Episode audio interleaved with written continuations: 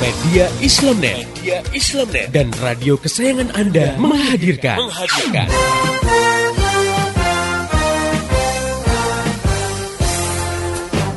Voice of Islam. Voice of Islam. Voice of Islam. Bagaimana tidak nyaman misalnya ya kalau diterapkan hukum cambuk bagi peminum khamar sementara negara tidak menerapkan mekanisme yang melarang khamar masuk ke suatu wilayah Iya. dan diperjualbelikan. Artinya masih ada orang yang berjualan khamar dan akhirnya ada juga yang beli, akhirnya ada juga yang minum. Juga Padahal yang- kalau minum dicambuk. Nah, Dicambuk. ini kan juga semacam dilema juga ya. Iya. Atau misalnya diterapkan hukum cambuk bagi yang melakukan pergaulan bebas. Nah, sementara negara sendiri tidak menghambat arus masuk pornografi dan porno aksi di suatu negeri. bahwa menangis itu yang dianjurkan nih di- dianjurkan itu menangis karena ingat dosa takut pada Allah.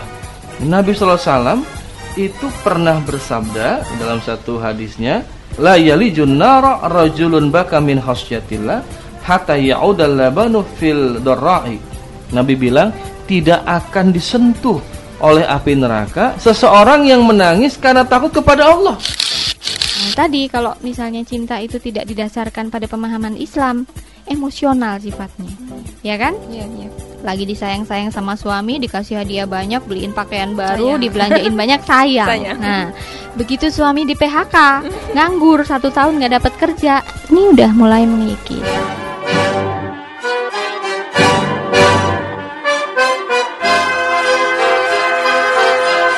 Voice of Islam. Voice of Islam. Voice of Islam.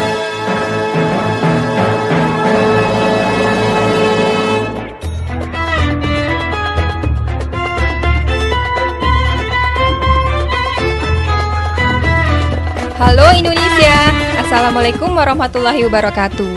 Apa kabarnya hari ini pendengar yang budiman? Gabung lagi dengan saya, Bunga Salsabila dalam program Voice of Islam. Kerja bareng Media Islamnet dengan radio kesayangan Anda ini. Kali ini dalam rubrik Female Chatting. Telah hadir di studio Mbak Nanik Wijayati. Beliau adalah Wakil Pemimpin Redaksi Female Readers. Assalamualaikum Mbak. Waalaikumsalam warahmatullahi wabarakatuh. Ya, di sampingnya eh, kita kedatangan tamu Mbak Sufaira. Beliau adalah wiraswastawati butik busana muslimah. Assalamualaikum Mbak. Waalaikumsalam warahmatullahi wabarakatuh. Pendengar yang budiman, setiap manusia normal pasti dong merasakan cinta. Nah, bagaimana kita mengelola cinta di hati kita secara tepat serta dapat memaknai cinta dengan benar? Kita simak perbincangan kita kali ini dengan topik My Endless Love. Nah, kita mulai perbincangan dengan Mbak Sufaira dulu ya Mbak ya. Ada orang yang berpendapat bahwa rasa cinta itu membuat eh, hidup manusia itu bergairah Mbak. Nah, benar nggak sih eh, menurut Mbak? Eh, yang dikatakan oleh Mbak Bunga Salsabila bahwa eh, cinta membuat hidup seseorang menjadi bergairah, memang itu mungkin itu betul ya. Seperti hanya inilah ya anak-anak sekolah gitu kan. Pada saat mereka itu mulai jatuh cinta, kita bisa melihat perubahan dalam diri dia. Seperti mereka itu rajin ke sekolah, kemudian juga rajin berdandan. Bahkan juga ada salah satu syair lagu yang mengatakan bahwa cinta itu berjuta rasanya kemudian juga mereka juga nggak tahu kadang-kadang apa yang sedang dipik- eh, dipikirkan. Mungkin mereka itu sering apa hayal melamun. Entah apa sehingga tuh ya? iya entah apa yang dibayangkan. Ada yang mengatakan bahwa don't know what to do. Jadi saya sendiri nggak tahu apa yang harus saya lakukan. Itu mungkin contoh untuk anak-anak sekolah. Tapi kalau misalkan kita lihat fenomena yang kita lihat di perkantoran atau misalkan anak dewasa nggak jauh beda mungkin dengan anak-anak sekolah ya kan? Genitnya mungkin iya ya kan berdandan kemudian juga tingkah lakunya mungkin jadi sedikit lebih riang daripada biasa. Mukanya itu berseri bersinar yang biasa mungkin cemberut gitu kan. Karena memang ada sesuatu yang berbeda dalam dirinya sehingga itu yang memancarkan cahaya gitu kan. Istilahnya bukan memancarkan cahaya. Tapi itu yang membuat perubahan dalam dirinya sehingga dia merasa memiliki semangat yang baru Baik, mungkin saya ingin menambahkan sedikit nih Mbak Bunga dan pendengar yang budiman. Jadi benar yang dikatakan oleh Mbak Sufaira tadi bahwa cinta itu bisa menumbuhkan motivasi tertentu pada diri seseorang. Dan kita lihat memang orang yang sedang jatuh cinta itu perilakunya berbeda gitu ya. Mungkin kalau dia dapat ceng-cengan di sekolah jadi rajin sekolah, Iya. entah itu gurunya atau temennya. Kalau dia dapat ceng-ceng eh ceng-cengan apa ya istilah Kecengan, lainnya, kecengan. kecengan gitu ya, dap- naksir seseorang di dunia kerja misalnya, maka dia rajin ke kantor dengan dandanan yang berubah seperti Mbak Sufaira katakan gitu. Yang tadinya biasa-biasa aja dia nggak peduli hidungnya kena bedak atau tidak gitu. Sekarang hidungnya ditambah lipstik ya salah Oh, ya.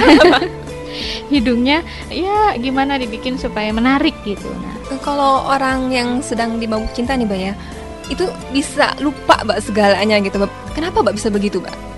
Mungkin memang pada saat itu kan eh, dia kan baru mengenal apa, lawan jenis ya pasangan.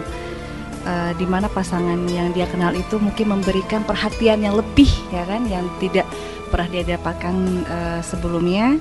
Perhatian itu bisa bermacam-macam ya kan? Ya. nah ya dia merasa bahwa dia diperhatikan dan itu bisa membuat seseorang itu lupa segalanya Saya tambahkan ya Mbak Bunga. Saya pernah baca buku female brain, otaknya perempuan gitu ya. Berdasarkan penelitian kepada sekian wanita gitu ya bahwa salah satunya misalnya kalau orang dimabuk cinta pasti mempengaruhi perilaku dia ya apakah dia sering jalan bareng kemudian sering sharing bareng berdiskusi bareng kemudian mungkin dia berikan eh, hal-hal yang berharga apakah itu berupa benda perhatian tadi yang dia bilang perhatian tuh kalau sekali mungkin nggak berpengaruh ya tapi Iya. kalau perhatiannya itu terus-terusan Iya. gitu sampai pada hal-hal yang privacy hal yang kecil itu pasti akan mengganggu hati gitu kan Nah, Cie. terus di buku itu dikatakan yang menarik adalah wanita itu kalau dia dipeluk dalam waktu 7 menit katakan di situ ya, 7 menit ya.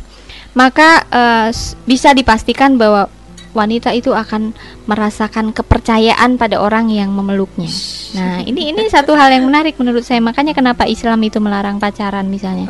Sekarang model pacaran kayak apa? Pelukan itu udah bagian yang wajib kali ya kalau kalau orang pacaran gitu. Nah, makanya eh, jangan sampai biarkan anak perempuan itu dipeluk oleh orang yang bukan muhrimnya. Pasti dia akan lebih percaya sama itu gitu kan daripada orang tuanya yang sebenarnya udah ngegendong dia dari bayi Iya, gitu iya, ya. Nah, itu akan dikalahkan oleh rasa aman yang diberikan selama dia dipeluk 7 menit itu gitu. Nah, ini mungkin yang bikin salah satunya bikin orang tuh mabok gitu kan gimana nggak mabok? Gimana dia nggak lupa segalanya ketika dia merasakan dengan perlakuan yang sangat lembut kemudian dengan perhatian yang tulus dengan nggak tahu tulus apa enggak ya? Nah, gitu. Terus dipeluk gitu.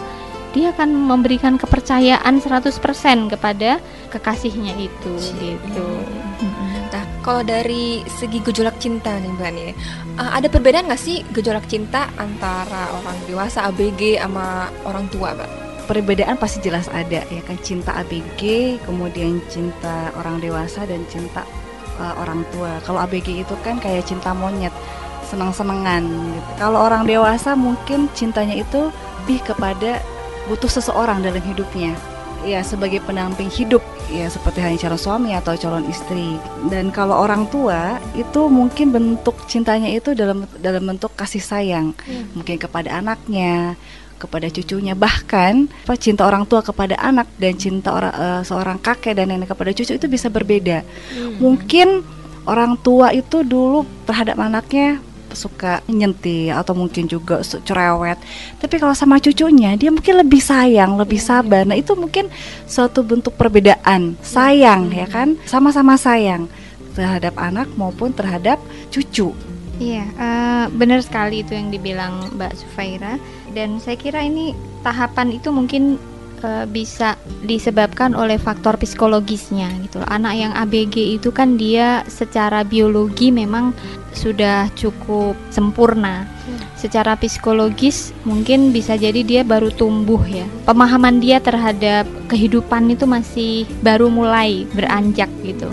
Sehingga perilaku dia ketika dia merasakan eh, cinta ini maka mungkin berdasarkan perasaan aja gitu. Jadi ah, aku eh, ditaksir sama dia tuh ah lumayan juga misalnya gitu ya. Jadi perasaan senengnya itu karena tumbuh melihat fisiknya melihat hartanya kemudian mungkin melihat eh, pinternya bisa jadi gitu. Nah ini karena memang dia belum punya pemahaman yang mendalam soal kehidupan gitu berbeda dengan orang yang mungkin sudah dewasa.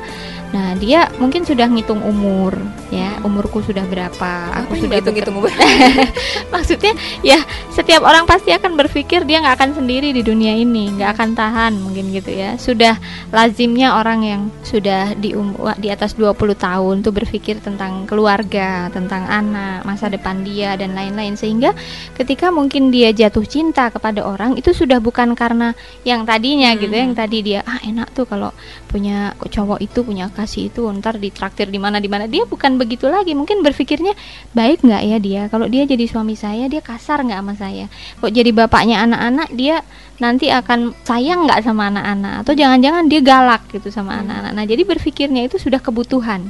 Kebutuhan untuk memenuhi bahwa nanti saya harus berkeluarga dengan seorang laki-laki yang baik misalnya gitu. Terus eh, gimana dengan orang tua? Berbeda lagi kan orang tua itu sudah mengalami tahap pematangan barangkali ya bahwa dia akhirnya berorientasi hidup ini adalah untuk membangun masa depan keluarga, mempertahankan keluarga. Jadi tidak berpikir dirinya sendiri lagi. Kalau tadi waktu dia apa mencari calon suami, dia berpikir untuk untuk dirinya sebenarnya kan cocok nggak sih sama saya? Dia cara ngomongnya nyambung nggak gitu. Iya.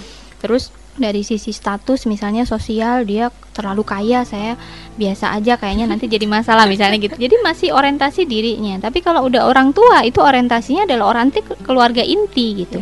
Anak saya gimana dengan eh, lingkungan bagaimana dengan keluarga mertua bagaimana dengan keluarga orang tua bagaimana penyesuaiannya dan lain-lain. Sehingga yang tumbuh cinta itu adalah kemudian karena kasih sayang karena kasihan karena perlindungan gitu ya dan lain-lain nah saya kira begitu mbak bunga Ya, berarti eh, cinta itu istilah itu harus dikelola, Mbak ya, supaya eh, agar te- kalau misalkan cinta itu tidak menjadi buta lah istilah Mbak ya. Menurut Mbak bagaimana Mbak? Cinta itu sebenarnya adalah naluri, fitri, dia fitrah ada bersama penciptaan manusia itu. Itu karunia Allah. Jadi memang gak ada manusia yang gak punya cinta. Itu ada, perasaan itu ada. Itu adalah naluri, insting yang memang ada dalam diri manusia. Itu potensi kehidupan manusia. Nah, hanya saja ketika naluri ini kemudian dibiarkan, gitu, dibiarkan berdasarkan ya jalan aja berdasarkan feeling perasaannya aja, ini berbahaya. Berbahaya karena seperti tadi kalau dia ABG dia mabuk ke, mabuk kepayang dia bahkan bisa terjerumus ke dalam hal-hal yang dilarang oleh Allah bermaksiat. Apakah itu zina? Sekarang kan macam-macam ngeri ya eh, beritanya. Gimana ada remaja yang masih usia mungkin usia 15 tahun itu SMP tapi dia sudah sudah biasa melakukan hubungan suami istri tanpa suami maksudnya ya dengan temannya misalnya gitu nah ini hal-hal yang menunjukkan bahwa kalau cinta itu tidak dikelola dia bisa berbahaya. Sama juga dengan cinta misalnya seorang manusia kepada Tuhan. Iya. Itu juga harus dikelola juga loh. Kalau misalnya mm. dia cuman eh, karena perasaan gitu ya, pasti dia tidak bisa memberikan cinta yang sejati, cinta yang hakiki, betul, cinta yang sesungguhnya, cinta yang paling tinggi kepada Tuhannya. Dia tahu aja bahwa Allah itu ada iya gitu. Allah itu mengasihi hambanya iya gitu. Iya, Tapi apakah kita cinta kepada Allah yang sudah memberikan segalanya kepada kita? Belum tentu Hmm. kita bisa menumbuhkan cinta itu gitu. Nah, padahal ini adalah cinta yang paling tinggi Oh, iya. gitu. Nah, dia bisa nggak punya rasa cinta itu. Jadi eh, cinta itu harus dikelola sesuai dengan proporsi yang tepat gitu ya. Cinta baik cinta kepada eh, orang tua, cinta kepada anak, cinta kepada teman, cinta kepada saudara sesama muslim, cinta kepada Allah, cinta kepada Rasulnya, cinta kepada bahkan makhluk Allah yang lain, apakah itu tumbuhan, binatang dan lain-lainnya alam sekitar. Saya kira gitu. Oke, pendengar yang budiman, jangan pindahkan saluran Anda karena perbincangan kita akan dilanjutkan setelah satu selingan berikut ini. Tetap setia di Voice of Islam. Arungi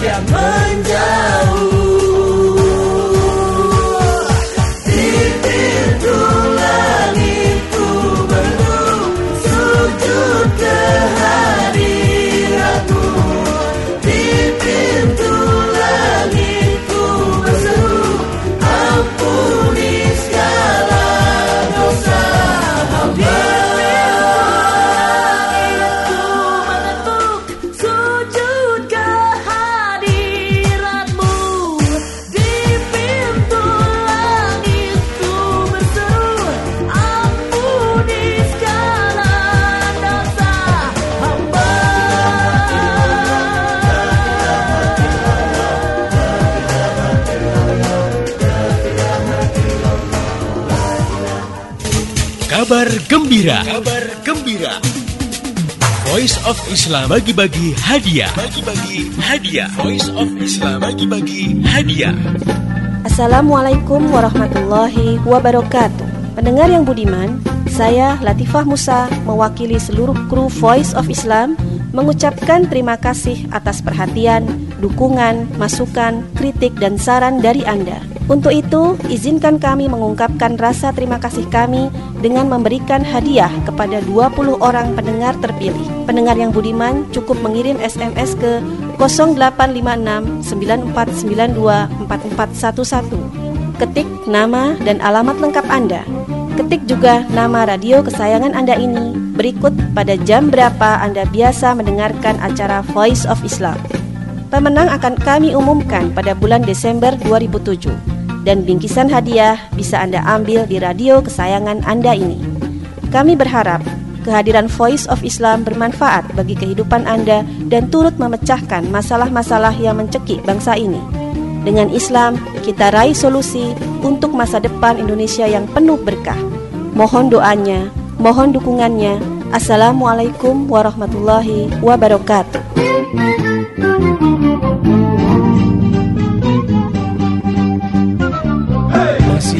Ikuti Voice of Islam.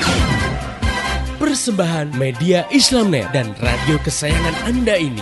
Voice of Islam. Voice of Islam. Voice of Islam.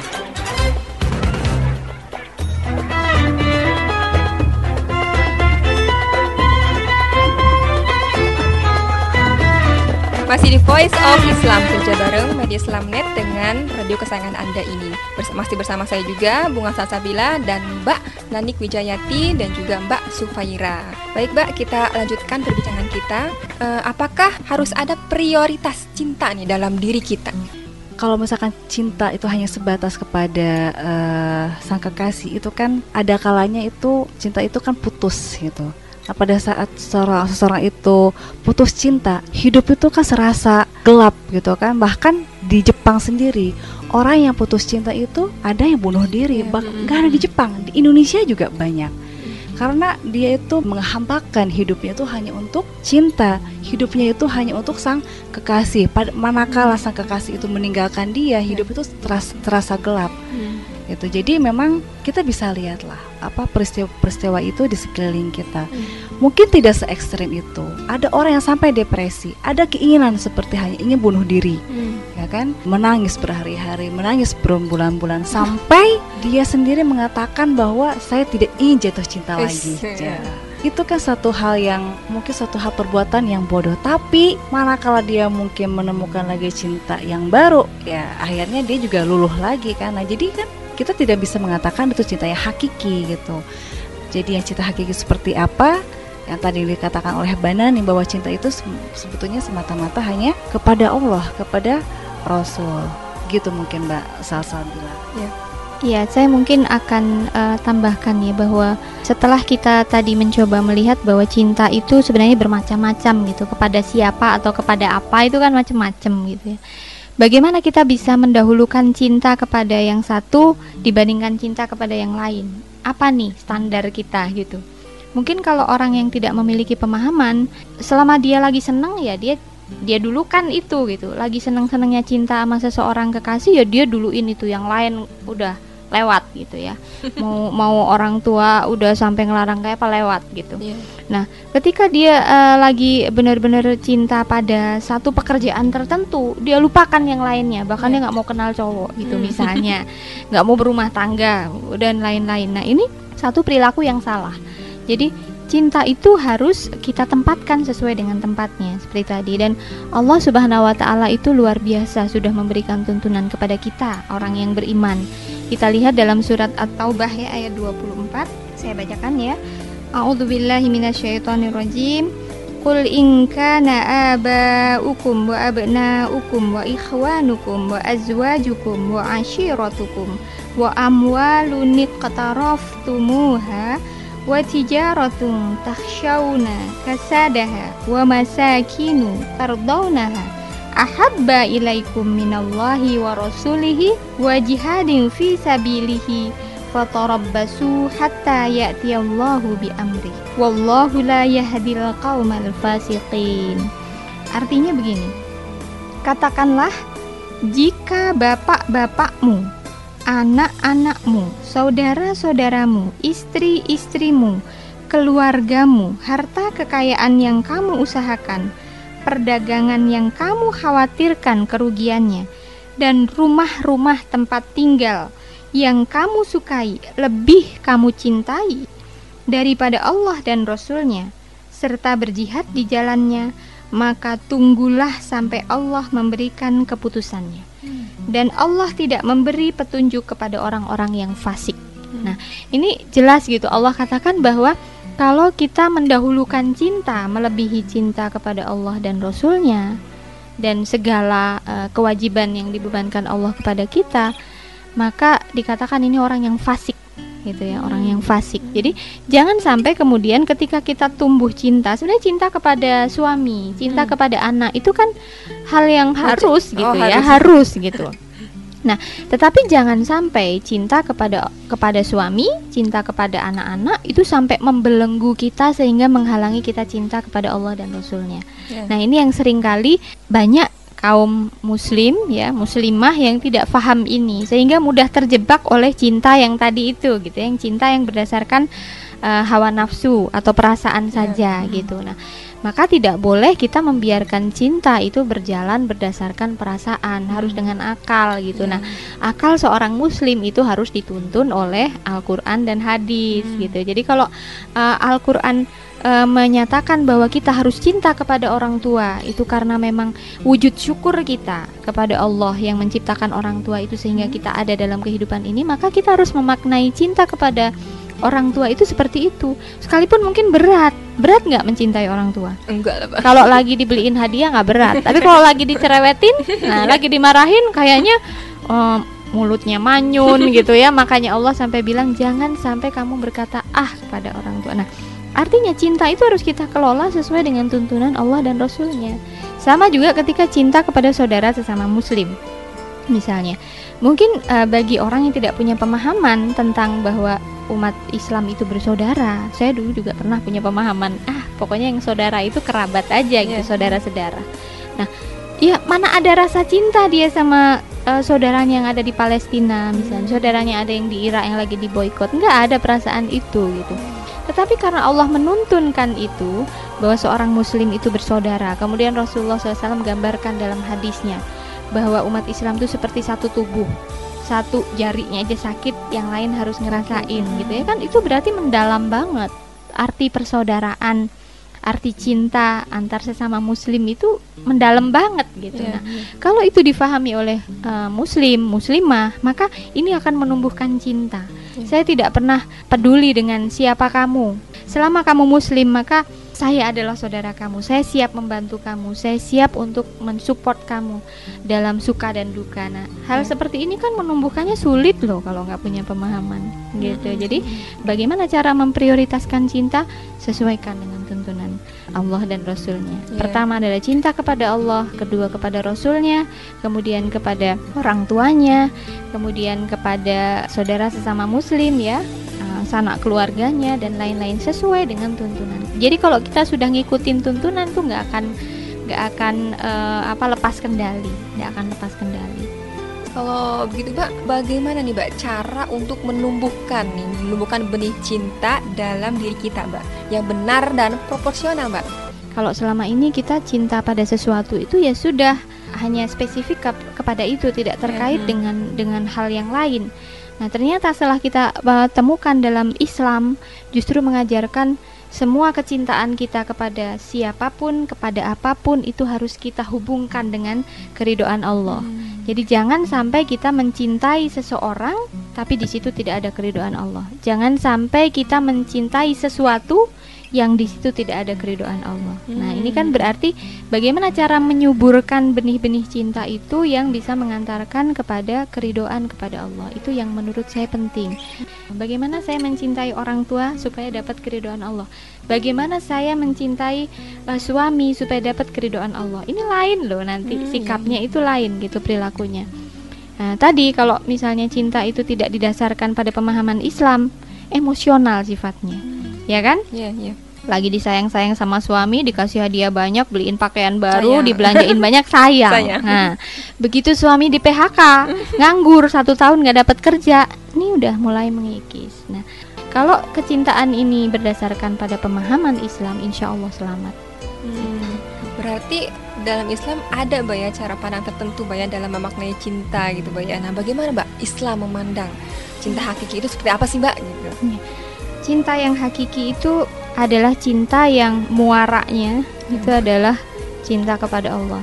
Jadi kalau kita cinta kepada keluarga kita yang akan menghantarkan kita lebih mencintai Allah, itulah cinta yang harus disuburkan di Jadi dalam keluarga. Allah gitu ya. Iya, betul. Jadi goalnya itu uh, goal utamanya adalah Allah. Jadi itulah yang akan membimbing rasa cinta kita di dalam hati ini kepada siapa pun, kepada apa pun, itu akan menuju kepada keridhaan Allah.